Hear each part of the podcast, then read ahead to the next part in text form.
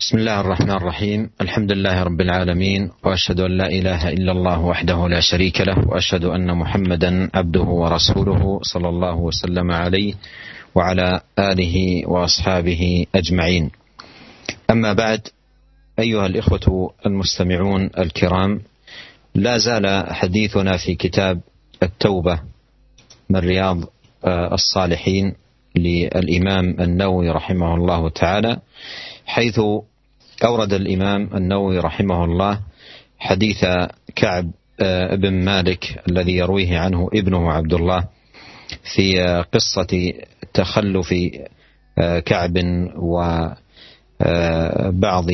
الصحابة عن تلك الغزوة.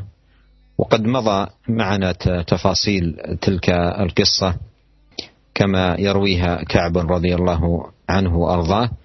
وكان تخلف معه مرارة بن ربيعة وهلال بن أمية. ووصلنا في آه، قصة كعب آه، رضي الله عنه عندما آه، جاءت البشارة بتوبة الله سبحانه وتعالى عليه. يقول رضي الله عنه ثم صليت صلاة الفجر صباح خمسين ليلة على ظهر بيت من بيوتي. فبينما أنا جالس على الحال التي ذكر الله تعالى منا قد ضاقت علي نفسي وضاقت علي الأرض بما رحبت سمعت صوت صارخ أوفى على سلع. يقول بأعلى صوته يا كعب بن مالك أبشر. فخررت ساجدا وعرفت أنه قد جاء فرج. فآذن رسول الله صلى الله عليه وسلم الناس بتوبة الله عز وجل علينا حين صلى صلاة الفجر فذهب الناس يبشروننا فذهب قبل صاحبي مبشرون وركض رجل إلي فرسا وسعى ساع من أسلم قبلي وأوفى على الجبل. وكان الصوت أسرع من الفرس. فلما جاءني الذي سمعت صوته يبشرني نزعت له ثوبي ثوبي فكسوتهما إياه ببشارته. والله ما أملك غيرهما يومئذ. واستعرت ثوبين فلبستهما وانطلقت أتأمم رسول الله صلى الله عليه وسلم يتلقاني الناس فوجا فوجا يهنئونني بالتوبة ويقولون لي لتهن لتهنك توبة الله عليك حتى دخلت المسجد. فإذا رسول الله صلى الله عليه وسلم جالس حوله الناس. هذا الذي يذكر آه، كعب رضي الله عنه عندما نزلت البشارة بتوبة الله عليه. وهذه نعمة عظيمة ومنة كبيرة جدا وفرحة عظمى. فلما أعلم النبي عليه الصلاة والسلام الصحابة بعد صلاة الصبح بتوبة الله على كعب وصاحبيه فرح الصحابة فرحا عظيما. وسروا بذلك سرورا كبيرا. وأخذوا يتسابقون كل إلى جهة من الذي يصل اولا إلى هؤلاء الذين من الله عليهم بهذه النعمة توبة الله عليهم. فمنهم من انطلق بفرسه ومنهم هذا الذي آه، أدرك هذه الطريقة العجيبة وصعد على جبل قريب ونادى بصوته إلى جهة كعب. أبشر يا كعب. ووصل هذا الصوت العالي من على هذا الجبل جبل سلع إلى كعب قبل أن يصله من كان قد ذهب إليه بالفرس. وعرف الصوت ولما جاء صاحب الصوت يؤكد البشارة خلع ثوبيه وأهداهما إياه واستعار مكانهما ثوبين لأنه ما كان يملك غيرهما. وهذا أيها الإخوة الكرام نستفيد منه فائدة عظيمة. أهمية البشارة وإدخال السرور على أخيك المسلم. إذا بلغك خبر مفرح يتعلق به أن تسارع كمسارعة الصحابة رضي الله عنهم وأن تبادر كمبادرتهم لإبلاغه. ولو كان أمرا يسيرا إذا كان نعمة وأمرا يرضي الله سبحانه وتعالى فتسارع إلى تبشيره وإدخال السرور عليه وتكون سابقا إلى ذلك. لا شك أن لمثل ذلك أثره العظيم. وتأثيره على النفس. ولهذا سيأتي معنا أن آه، كعبا أثر فيه هذا آه، الأمر. وأيضا آه، خلع ثوبيه وقدم قدمهما. وهذا أيضا يستفاد منه إذا بشر الإنسان بأمر مفرح ويقدر للذي بشره وسابق إلى تبشيره يقدر له موقفه النبيل وتصرفه الجميل ومسارعته إلى إدخال السرور عليه. ثم من جهة أخرى هذا أيضا يبين لنا عمق المحبة والأخوة والصفاء الذي كان بين أصحاب النبي الكريم عليه الصلاة والسلام وهو الحال الذي ينبغي أن تكون عليه أمة الإسلام الذين أكرمهم الله تعالى بالانضواء تحت لوائه والدخول فيه Bismillahirrahmanirrahim. Alhamdulillah, segala puji bagi Allah Subhanahu wa taala, Rabb semesta alam. Aku bersaksi bahwasanya tidak ada sesembahan yang berhak disembah kecuali Allah. Tidak ada sekutu baginya dan aku bersaksi bahwasanya Muhammad adalah hambanya dan juga utusannya. Semoga salawat dan salam senantiasa Allah curahkan kepada beliau dan keluarga beliau dan para sahabat beliau sampai akhir zaman. Para pendengar yang dimuliakan oleh Allah Subhanahu wa taala, masih kita bersama kitab Riyadhus Shalihin karangan Imam Nawawi Asy-Syafi'i sampai kepada bab At-Taubah di mana di dalam bab ini beliau mendatangkan sebuah hadis yang panjang yaitu hadisnya Ka'ab bin Malik yang menceritakan tentang kisah taubat beliau dan juga dua orang sahabat beliau Murarah bin Rabi' dan juga Hilal ibnu Umayyah. Hadis yang panjang ini sudah sebagian kita baca pada pekan yang lalu dan kita sampai kepada kisah datangnya kabar gembira kepada mereka yaitu diterimanya taubat mereka oleh Allah Subhanahu wa taala. Berkata Ka'ab bin Malik radhiyallahu anhu, Kemudian aku sholat subuh pada malam yang ke-50.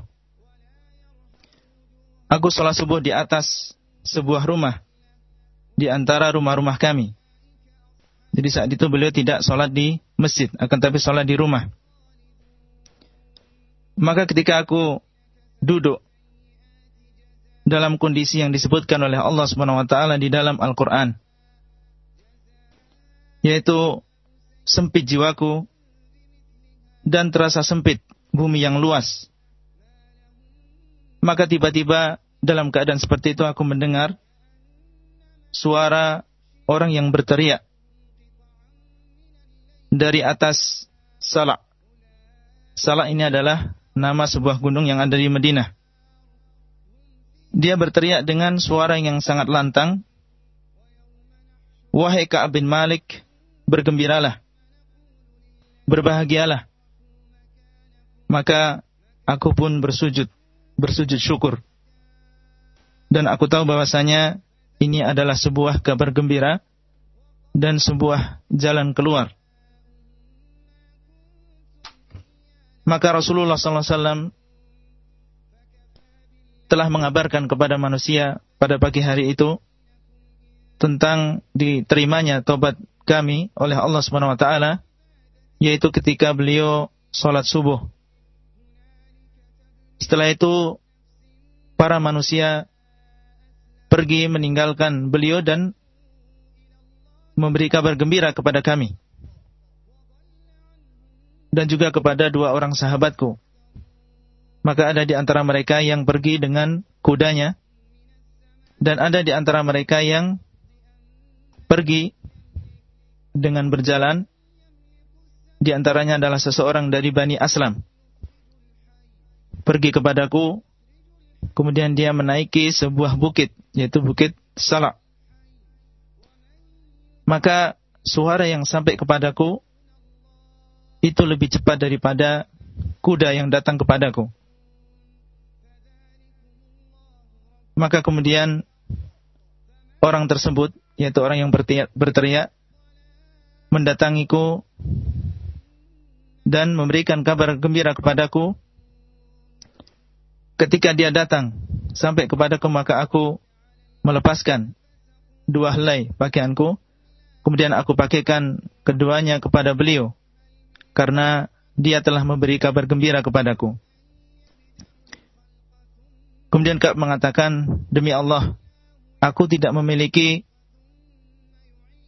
pakaian selain dua helai pakaian tersebut saat itu maka kemudian setelah itu aku meminjam dua helai pakaian yang lain dan aku memakainya. Kemudian aku datang menemui Rasulullah sallallahu alaihi wasallam. Dan aku melihat manusia menyambut gembira kedatanganku secara berduyun-duyun dan mereka mengucapkan selamat atas diterimanya taubat kami oleh Allah Subhanahu wa taala. Kemudian mereka mengatakan selamat atas diterimanya taubatmu oleh Allah Subhanahu wa taala sampai aku datang dan masuk ke dalam masjid maka aku melihat Rasulullah sallallahu alaihi wasallam sedang duduk dan di sekitar beliau ada manusia dikelilingi oleh manusia dan para sahabat maka berdirilah Talhah bin Ubaidullah radhiyallahu anhu segera menyambutku sampai menyalamiku dan mengucapkan selamat untukku.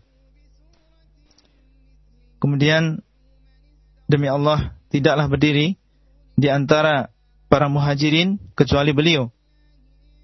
Maka Ka'ab radhiyallahu anhu tidak melupakan apa yang dilakukan oleh Tolha ini. Para pendengar yang dimuliakan oleh Allah Subhanahu wa taala, apa yang disebutkan oleh Ka'ab bin Malik ketika datang kabar gembira kepada beliau kabar yang agung nikmat yang sangat besar yaitu kabar gembira diterimanya taubatnya oleh Allah Subhanahu wa taala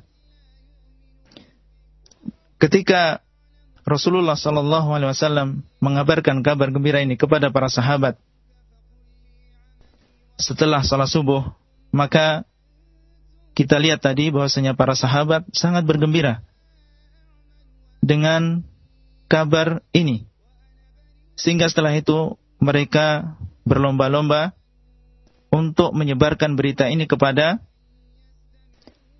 tiga orang sahabat yang telah diboikot oleh Rasulullah SAW selama 50 hari. Maka ada di antara mereka yang datang dengan kudanya dan ada di antara mereka yang datang dengan cara yang aneh. Seperti yang kita baca tadi, bahwasanya ada seorang dari Bani Aslam yang datang, kemudian dia naik sebuah bukit, tempat yang enggak tinggi, kemudian mengarahkan suaranya ke arah Ka'ab bin Malik. Seraya mengatakan, Abshir ya Ka'ab bin Malik. Bergembiralah wahai Ka'ab bin Malik. Maka ketika orang ini datang, yaitu yang memiliki suara yang lantang tadi datang, Ka'ab bin Malik menghadiahkan kepada beliau dua helai pakaiannya. Kemudian beliau sendiri meminjam dua pakaian yang lain untuk diri beliau. Di sini ada beberapa faedah yang bisa kita ambil. Yang pertama pentingnya al-bisyarah. Pentingnya kita memberikan kabar gembira kepada saudara kita semuslim dan memasukkan kebahagiaan di dalam hatinya. Apabila telah datang kepadamu sebuah kabar bahwasanya saudaramu ia mendapatkan kenikmatan. Meskipun itu adalah kenikmatan yang remeh ya kenikmatan yang kecil. Akan tapi hendaklah engkau jangan meremehkan perkara ini. Bersegeralah untuk ya memberikan kabar gembira mengucapkan selamat kepadanya. Sebagaimana dilakukan oleh para sahabat. Ya dilakukan oleh para sahabat radhiyallahu anhum. Dan tidak dilakukan lagi bahwasanya mauqif seperti ya mauqif seperti ini atau tingkah laku seperti ini atau amalan seperti ini ini memiliki pengaruh yang besar ya kepada saudara kita tentunya. Oleh karena itu Ka'ab bin Malik ketika beliau diberikan kabar gembira oleh seorang dari Bani Aslam saking terpengaruhnya dia ya dengan mauqif ini maka beliau memberikan hadiah ya kepada orang ini Kemudian faedah yang kedua adalah besarnya al-mahabbah di antara para sahabat radhiyallahu anhum dan ini adalah kondisi yang harusnya dimiliki oleh kaum muslimin. قال كعب رضي الله عنه وانطلقت أتأمم رسول الله صلى الله عليه وسلم أي أقصد النبي عليه الصلاة والسلام يتلقاني الناس فوجا فوجا يهنئونني بالتوبة ويقولون لي لتهنك توبة الله عليك. وهذا فيه كما أسلفت الفرح العظيم والرابطة المتينة التي كانت بين أصحاب رسول الله صلى الله عليه وسلم بحيث فرحة الواحد منهم تعد فرحة للجميع وسرور الواحد منهم يعد سرورا للجميع. وكلهم يتلقاه بهذا الفرح والتهنئة لتهنك توبة الله عليك. قال حتى دخلت المسجد فإذا رسول الله صلى الله عليه وسلم جالس حوله الناس فقام طلحة ابن عبيد الله وأحد العشرة الذين بشرهم النبي عليه الصلاة والسلام بالجنة يهرول حتى صافحني وهنأني. قام يهرول. لم يذهب إليه مشيا وإنما ذهب إليه هرولة. قال حتى صافحني وهنأني. أراد أن يكون السابق ممن كانوا جلوسا حول النبي عليه الصلاة والسلام لملاقاة آه، كعب آه، رضي الله عنه بهذه التهنئة. والله ما قام رجل من المهاجرين غيره فكان كعب لا ينساها لطلحة. يعني لا ينسى هذه المبادرة لطلحة رضي الله عنه وأرضاه.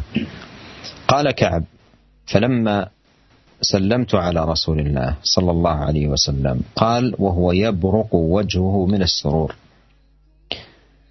أي تظهر أسارير وجهه وفرحه عليه الصلاة والسلام.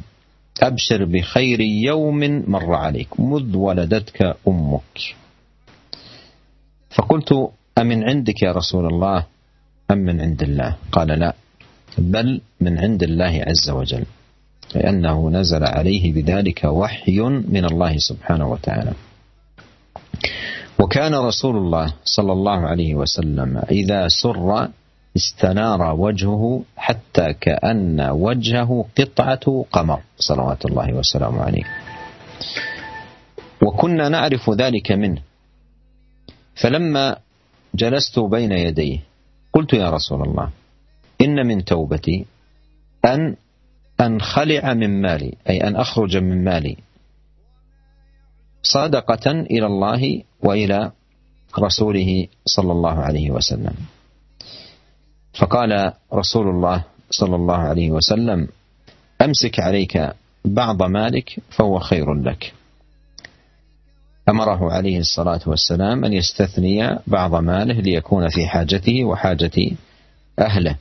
فقلت إني أمسك سهمي الذي بخيبر أي نصيبي الذي نلته في خيبر. وقلت يا رسول الله إن الله تعالى إنما أنجاني بالصدق وإن من توبتي ألا أحدث إلا صدقا ما بقيت. والله ما علمت أحدا من المسلمين أبلاه الله تعالى في صدق الحديث منذ ذكرت ذلك لرسول الله صلى الله عليه وسلم أحسن مما أبلاني الله تعالى. والله ما تعمدت كذبة منذ قلت ذلك لرسول الله صلى الله عليه وسلم إلى يوم هذا وإني لأرجو أن يحفظني الله تعالى فيما بقي.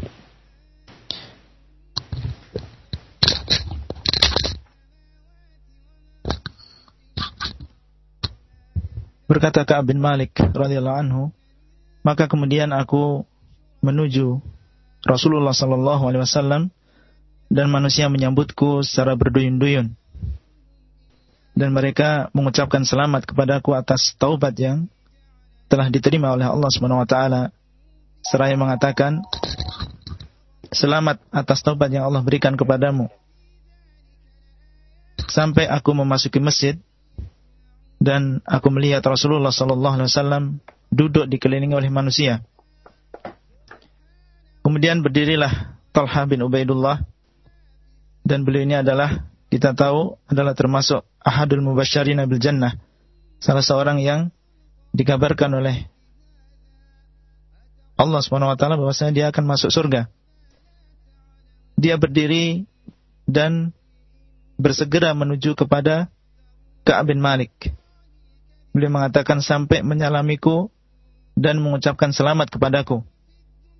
Nah ini adalah mauqif Talha yang dilakukan oleh Talha ini adalah beliau ingin menjadi orang yang bersegera yang memberikan kabar gembira kepada saudaranya. Ya, beliau datang bukan dengan masyian, ya bukan dengan berjalan akan tapi dengan berjalan cepat. Ya, supaya beliau menjadi orang yang pertama kali ya memberikan kabar gembira ini di antara orang-orang yang hadir saat itu. Kemudian Talha mengatakan, ya, maka mauqif atau yang dilakukan oleh Talha ini, ya, Kak mengatakan bahwasanya apa yang dilakukan oleh Talha ini adalah sesuatu yang tidak terlupakan oleh beliau. Kemudian Kak mengatakan, maka ketika aku mengucapkan salam kepada Rasulullah SAW, ya beliau berkata, dan wajah beliau terlihat bersinar karena gembira dan bahagia. Seraya mengatakan, berbahagialah wahai Ka'ab dengan hari yang paling indah yang engkau lalui dari sejak engkau dilahirkan oleh ibumu. Maka aku berkata, Ya Rasulullah, apakah ini darimu atau dari sisi Allah taala? Maka beliau mengatakan, tidak. Bahkan ini adalah kabar dari Allah Subhanahu wa taala karena ini adalah wahyu. Ya, jadi beliau diwahyukan oleh Allah Subhanahu wa taala tentang diterimanya taubat uh, Ka'ab bin Malik. Maka Rasulullah SAW dahulu apabila, apabila beliau bergembira dan berbahagia, kelihatan bersinar wajah beliau. Sampai wajah beliau ini seakan-akan seperti sepotong bulan. Dan kami mengetahui, mengetahui hal ini dari wajah beliau. Maka ketika aku duduk di depan Rasulullah SAW, aku berkata, wahai Rasulullah, sesungguhnya termasuk bentuk dan wujud taubatku kepada Allah Subhanahu wa taala maka aku akan bersedekah dengan hartaku untuk Allah dan Rasulnya.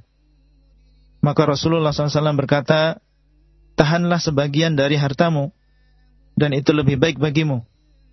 Jadi beliau menyuruh Ka'ab bin Malik untuk menyisakan sebagian hartanya supaya beliau bisa memenuhi hajatnya, keperluannya. Kemudian aku berkata, "Ya Rasulullah, sesungguhnya aku telah menahan, telah menyimpan bagianku yang ada di Khaybar." Dan aku berkata, "Wahai Rasulullah, sesungguhnya Allah SWT telah menyelamatkan aku dengan as dengan kejujuran, dengan perkataan yang benar. Dan sesungguhnya termasuk bentuk wujud taubatku kepada Allah SWT, aku tidak akan berbicara kecuali dengan benar selama aku masih hidup. Beliau mengatakan, maka demi Allah, tidaklah aku mengetahui seseorang dari kalangan kaum muslimin yang Allah berikan nikmat di dalam kejujuran dan kebenaran di dalam berbicara semenjak aku sebutkan itu di depan Rasulullah SAW yang lebih besar daripada kenikmatan kejujuran yang Allah berikan kepadaku. Demi Allah, aku tidak pernah sengaja berdusta semenjak aku mengatakan ini di depan Rasulullah sallallahu alaihi wasallam sampai hari ini. Dan aku berharap semoga Allah SWT menjaga diriku di dalam sisa umurku yang akan datang. قال كعب رضي الله عنه فأنزل الله تعالى لقد تاب الله على النبي والمهاجرين والأنصار الذين اتبعوه في ساعة العسرة حتى بلغ إنه بهم رؤوف رحيم وعلى الثلاثة الذين خلفوا حتى إذا ضاقت عليهم الأرض بما رحبت حتى بلغ اتقوا الله وكونوا مع الصادقين. أي أن الله سبحانه وتعالى لما ذكر توبته على هؤلاء الثلاثة الذين خلفوا كعب وصاحبيه بصدقهم وبعدهم عن الكذب ثم كانت هذه العاقبة العظيمة المباركة التي أكرمهم الله سبحانه وتعالى بها قال الله في تمام هذا السياق يا أيها الذين آمنوا اتقوا الله وكونوا مع الصادقين. وأن من صدق الله وصدق مع الله سبحانه وتعالى فاز بالعاقبة الحميدة. بخلاف الكذب فإن حبله مقطوع وعاقبة صاحبه إلى آه، السوء والردى والعياذ بالله. قال كعب والله ما أنعم الله علي من نعمة قط بعد إذ هداني الله للإسلام أعظم في نفسي من صدق رسول الله صلى الله عليه وسلم ألا أكون كذبته فأهلك كما هلك الذين كذبوا. إن الله تعالى قال للذين كذبوا حين أنزل الوحي شر ما قال لأحد. فقال سيحلفون بالله لكم إذا انقلبتم إليهم لتعرضوا عنهم فأعرضوا عنهم إنهم رجس ومأواهم جهنم جزاء بما كانوا يكسبون. يحلفون لكم. لترضوا عنهم فإن ترضوا عنهم فإن الله لا يرضى عن القوم الفاسقين.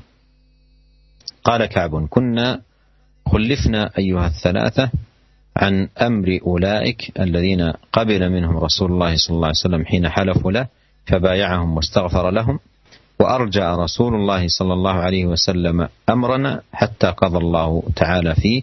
بذلك قال الله تعالى وعلى الثلاثة الذين خلفوا وليس الذي ذكر مما خلفنا تخلف تخلفنا عن الغزو وإنما هو تخليفه إيانا وإرجاؤه أمرنا عمن حلف له واعتذر, واعتذر إليه فقبل منه.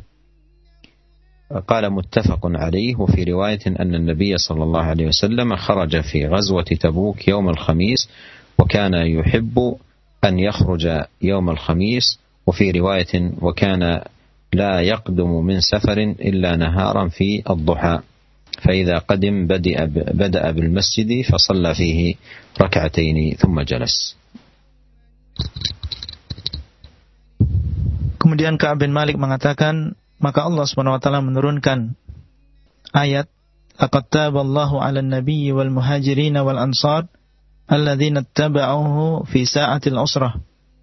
Yang artinya Allah Subhanahu wa taala telah menerima taubat Nabi dan juga para muhajirin dan ansar yang mereka mengikuti Nabi sallallahu alaihi wasallam dalam keadaan yang sulit sampai ayat innahu bihim raufur rahim ala thalathati alladhina khulifu hatta idza dhaqat alaihimul ardu bima rahubat. Sesungguhnya dia yaitu Allah Subhanahu wa taala Maha penyayang terhadap mereka yaitu orang-orang yang beriman. Dan Allah juga memberikan taubat kepada tiga orang yang ketinggalan yang diakhirkan perkaranya sampai ketika sempit. Ya oleh mereka bumi yang luas. Sampai ayat ittaqullah wa kunu ma'asadikin bertakwalah kalian kepada Allah dan jadilah kalian termasuk orang-orang yang jujur, yang berkata benar. Surat At-Taubah 117 sampai 119.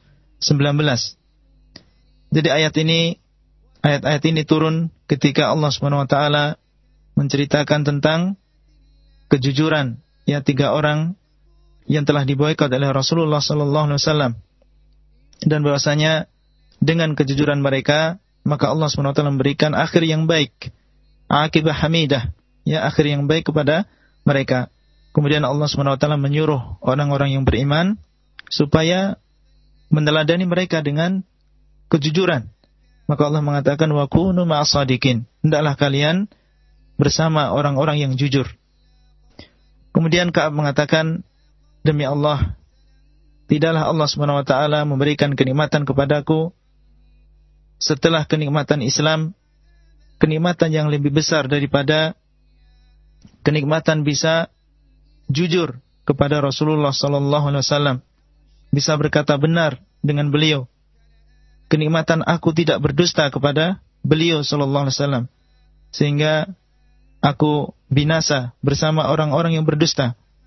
Ini adalah sebuah kenikmatan.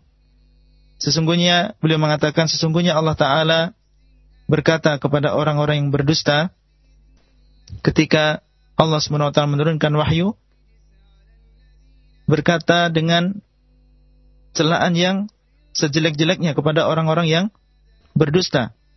Allah SWT berfirman, "Sayahlifuna billahi lakum idzan qalabatum ilaihim litu'ridu anhum." Mereka akan bersumpah dengan nama Allah untuk kalian apabila kalian kembali kepada mereka supaya kalian membiarkan mereka dan berpaling dari mereka. Fa'aridu anhum, maka hendaklah engkau atau kalian berpaling dari mereka. Innahum rijis, karena sesungguhnya mereka adalah orang-orang yang najis. Wa ma'wahum jahannam, dan tempat kembali mereka adalah jahannam. Jaza'an bima kanu yaksibun, sebagai balasan dari apa yang mereka perbuat.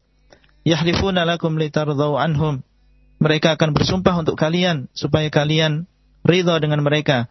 Fa in tardau anhum fa innallaha la yarda 'anil qaumil fasikin.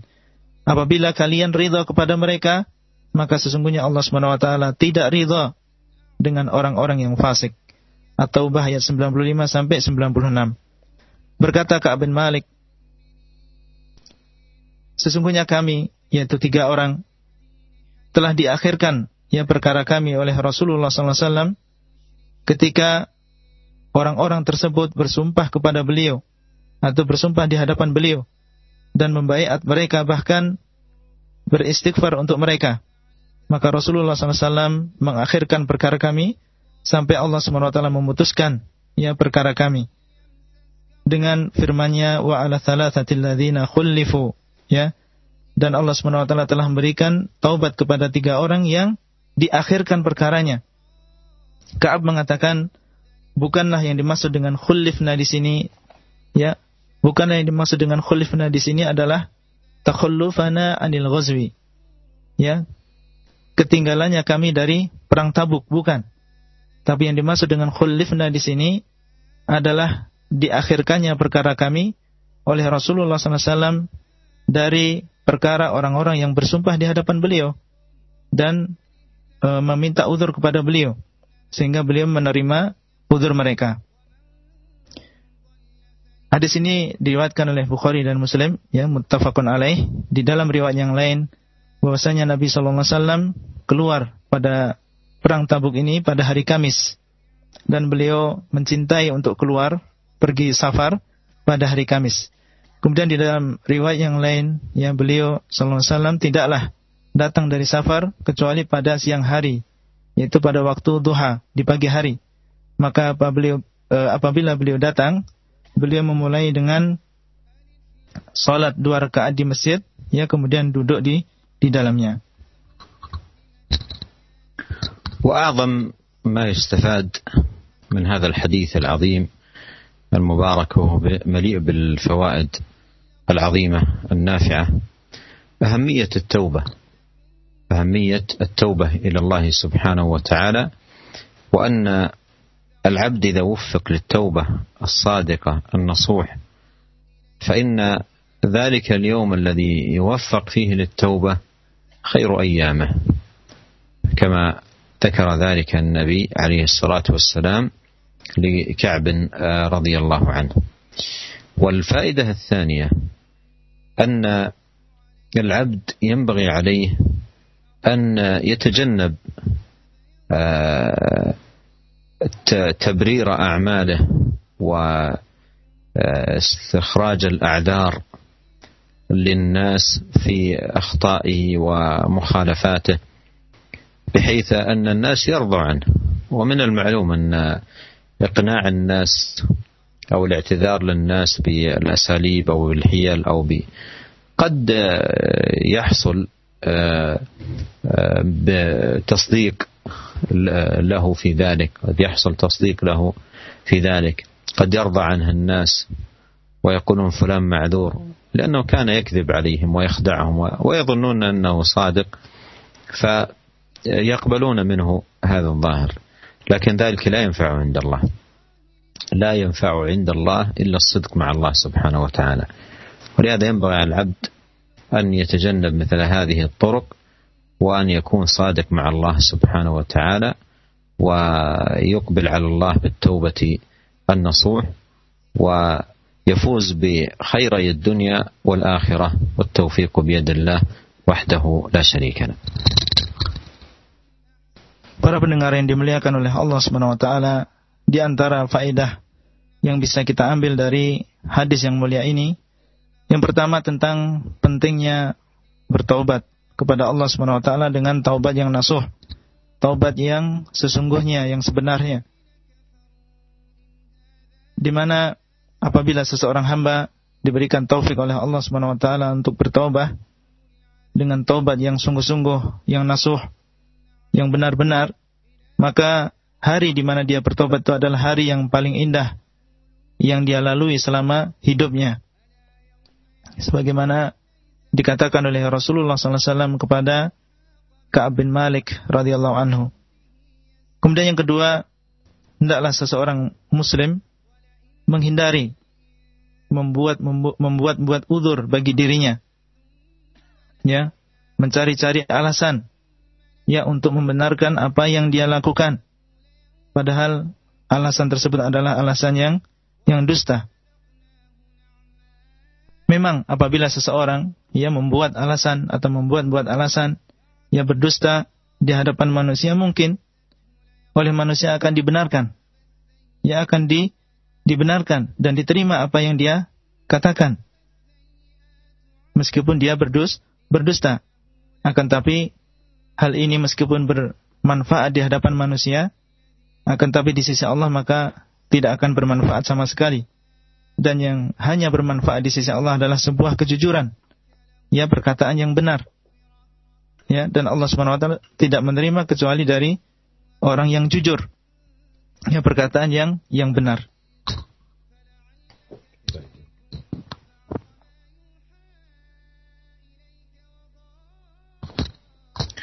ثم أورد الإمام النووي رحمه الله تعالى حديث عمران بن الحصين وكذلك أحاديث أخرى ثلاثة أحاديث ختم بها هذه الترجمة. لكن لعلنا نؤجل الحديث عنها إلى لقائنا القادم بإذن الله تبارك وتعالى. ونسأل الله الكريم رب العرش العظيم أن يوفقنا جميعا لرضاه وأن يعيننا على طاعته وأن يهدينا سواء السبيل الله أعلم وصلى الله وسلم على عبده ورسول نبينا محمد وآله وصحبه Kemudian hadis yang selanjutnya adalah hadis Imran bin Husain Al-Khuzai dan juga hadis Ibnu Abbas dan hadis Abu Hurairah radhiyallahu anhum dan tiga hadis ini insyaallah akan kita bahas pada pertemuan yang akan datang. Kita memohon kepada Allah Subhanahu wa taala yang mulia yang telah memberikan kepada kita uh, kenikmatan Islam, ya, kenikmatan iman. Kita memohon kepada Allah Subhanahu wa taala semoga Allah Subhanahu wa taala memberikan taufik kepada kita semua dan memberikan hidayah kepada kita kepada jalan yang lurus. Wassallallahu ala nabiyina Muhammad wa ala alihi wa sahbihi ajma'in. Nah, kami ucapkan terima kasih jazakallah khairan ya Syekh atas dars yang telah disampaikan. Semoga Allah Subhanahu wa taala memberikan eh, manfaat yang besar dari uh, dars yang telah Syekh sampaikan tadi. Saudaraku seiman rahimakumullah, kita akan memasuki sesi tanya jawab. Untuk kurang lebih hanya 6 menit waktu tersisa, insyaallah kita akan manfaatkan waktu kita. Dari uh, pertanyaan yang pertama kita angkat dari uh, saudara Ahmad di Tegal yang bertanya, "Ya Syekh, tadi dijelaskan bahwa sahabat Ka'ab bin Malik radhiyallahu an memiliki kesungguhan di dalam bertaubat. Kemudian Allah mengabarkan tentang diterimanya taubat sahabat Ka'ab bin Malik. Yang anak tanyakan bagaimanakah tanda-tandanya seseorang selain daripada sahabat Ka'ab bin Malik tadi, seorang hamba Allah yang biasa diterima taubatnya oleh Allah Subhanahu wa taala. Mohon jawaban dari Syekh jazakallahu khairan. Alamat sedekah taubat. شخص. أمر آه، التوبة بين التائب وبين ربه سبحانه وتعالى. والله عز وجل هو الموفق للتوبة وهو الذي يقبل التوبة من عباده. المهم في هذا الباب أن يصدق العبد مع الله في توبته. وأمارة ذلك أن ينخلع ويبتعد عن الذنوب التي آه، كان آه، يمارسها وهي تغضب الله وأن آه، يقع في قلبه الندم العظيم على فعلها فيما مضى من زمانه ويعقد في قلبه العزم على عدم العودة إليها. فإذا اجتمعت هذه الأمور الثلاثة في قلبه فهذه من أمارات الخير والتوفيق بإذن الله جل وعلا Pertanyaannya adalah kita lihat tadi dan kita dengarkan bersama tentang kesungguhan Ka'ab bin Malik di dalam bertobat kepada Allah Subhanahu wa taala sehingga Allah Subhanahu wa taala menerima taubat beliau. Nah, bagaimanakah ciri-ciri taubat yang nasuh yang diterima oleh Allah Subhanahu wa taala? Maka jawabannya perkara taubat ini adalah antara seorang hamba dengan Allah Subhanahu wa taala. Yang paling penting di dalam hal ini adalah as-sidq, kejujuran di dalam bertobat, kejujuran dengan dirinya sendiri. Dia benar-benar ingin bertobat. Dan ciri-cirinya adalah yang pertama, seseorang meninggalkan apa yang dia lakukan selama ini. Ini adalah ciri yang pertama. Apabila dia masih melakukannya berarti ini bukanlah taubat yang nasuh. Kemudian yang kedua, ada di dalam hatinya perasaan menyesal ya terhadap apa yang dia lakukan selama ini yang telah berlalu. Maka apabila ada di dalam hatinya rasa penyesalan, maka ini merupakan ciri yang kedua. Ya seseorang diterima taubatnya oleh Allah Subhanahu wa taala. Namun apabila seseorang mengaku bertaubat akan tapi tidak ada rasa penyesalan di dalam hatinya, maka ini menunjukkan bahwasanya taubatnya bukan taubat yang yang nasuh. Kemudian yang ketiga, ciri yang ketiga adalah al-azm. Ya, keinginan seseorang tekad yang kuat untuk tidak melakukan kemaksiatan itu lagi pada masa yang akan datang. Dan ini adalah ciri yang ketiga. Dan apabila berkumpul di dalam diri seseorang, ya tiga ciri ini maka insya Allah ya taubatnya adalah taubat yang yang nasuh dan diterima oleh Allah Subhanahu wa taala. Nah, jazakallah khairan ya Syekh atas jawabannya. Kemudian kita angkat pertanyaan dari beberapa penanya yang sama. Ya Syekh, di hari-hari 10 pertama di bulan Zulhijjah ini Allah Subhanahu wa taala memberikan keutamaan bagi uh, mereka yang beramal ibadah uh, yang uh, baik. Yang jadi pertanyaan ada eh, keutamaan di antaranya adalah Allah Subhanahu Wa Taala akan mengampuni dosa-dosa kita yang lalu dan yang akan datang. Apakah ini sahih uh, dalilnya dan amalan apakah yang uh, disyariatkan untuk mendapatkan uh, pengampunan dosa di uh, setahun yang lalu dan yang akan datang? Jazakallah khairan ya Syekh.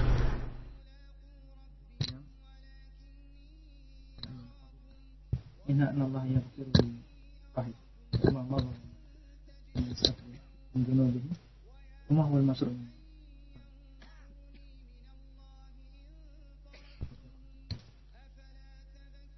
هذه الأيام العظيمة المباركة أيام عشر الأيام العشر الأول من شهر ذي الحجة هي خير أيام السنة على الإطلاق. وقد ثبت في صحيح البخاري من حديث ابن عباس رضي الله عنهما أن النبي صلى الله عليه وسلم قال ما من أيام العمل الصالح فيهن أحب إلى الله من هذه العشر. قالوا ولا الجهاد في سبيل الله. قال ولا الجهاد في سبيل الله إلا رجل خرج بنفسه وماله ولم يرجع من ذلك بشيء.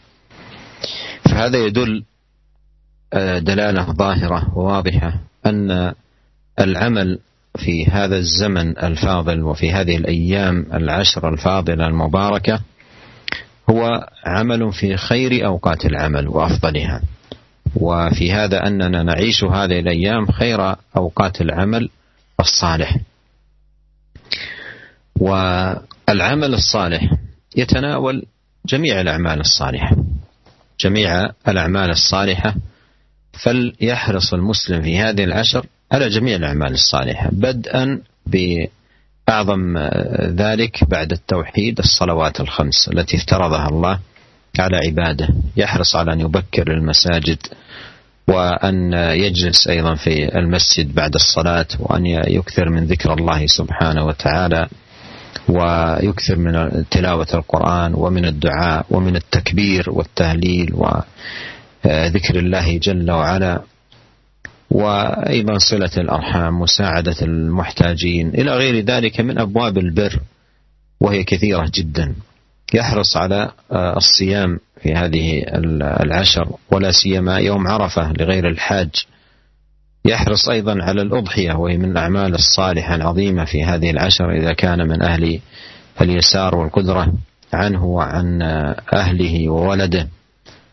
كل هذه الأبواب المباركة يحاول ويجتهد أن يغتنم آه، خير هذه الأيام وبركتها وفضلها. مستعينا بالله تبارك وتعالى. والله المسؤول جل في علاه أن يوفقنا جميعا لاغتنامها على الوجه الذي يرضيه. إنه تبارك وتعالى سميع قريب مجيب. Pertanyaan yang kedua tentang bahwasanya Allah SWT telah memberikan keutamaan bagi hari-hari atau 10 hari pertama di bulan Dhul Hijjah ini di antaranya bahwasanya Allah SWT mengampuni dosa seorang hamba eh, baik di masa lalu maupun yang akan datang. Apakah amalan-amalan yang bisa kita lakukan sehingga kita bisa mendapatkan uh, ampunan dari Allah SWT di hari-hari yang mulia ini? Uh, jawabannya perlu kita ketahui bersama bahwasanya hari-hari yang 10 ini, 10 pertama Dhul Hijjah ini merupakan sebaik-baik hari dalam waktu setahun. Sebagaimana dalam hadisnya Ibnu Abbas radhiyallahu anhu di dalam Sahih Bukhari bahwasanya Rasulullah SAW mengatakan tidaklah ada hari-hari yang lebih dicintai oleh Allah SWT untuk beramal di dalamnya daripada amal soleh yang dilakukan pada 10 hari pertama di bulan Dhul Hijjah. Maka para sahabat bertanya, Ya Rasulullah, e, tidak juga jihad visabilillah?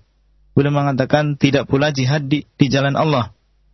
Ya, tidak pula jihad visabilillah, yaitu di jalan Allah. Kecuali seseorang yang keluar berjihad dengan membawa jiwanya dan juga hartanya, kemudian dia tidak kembali dengan sesuatu apa pun dari harta maupun jiwa jiwanya.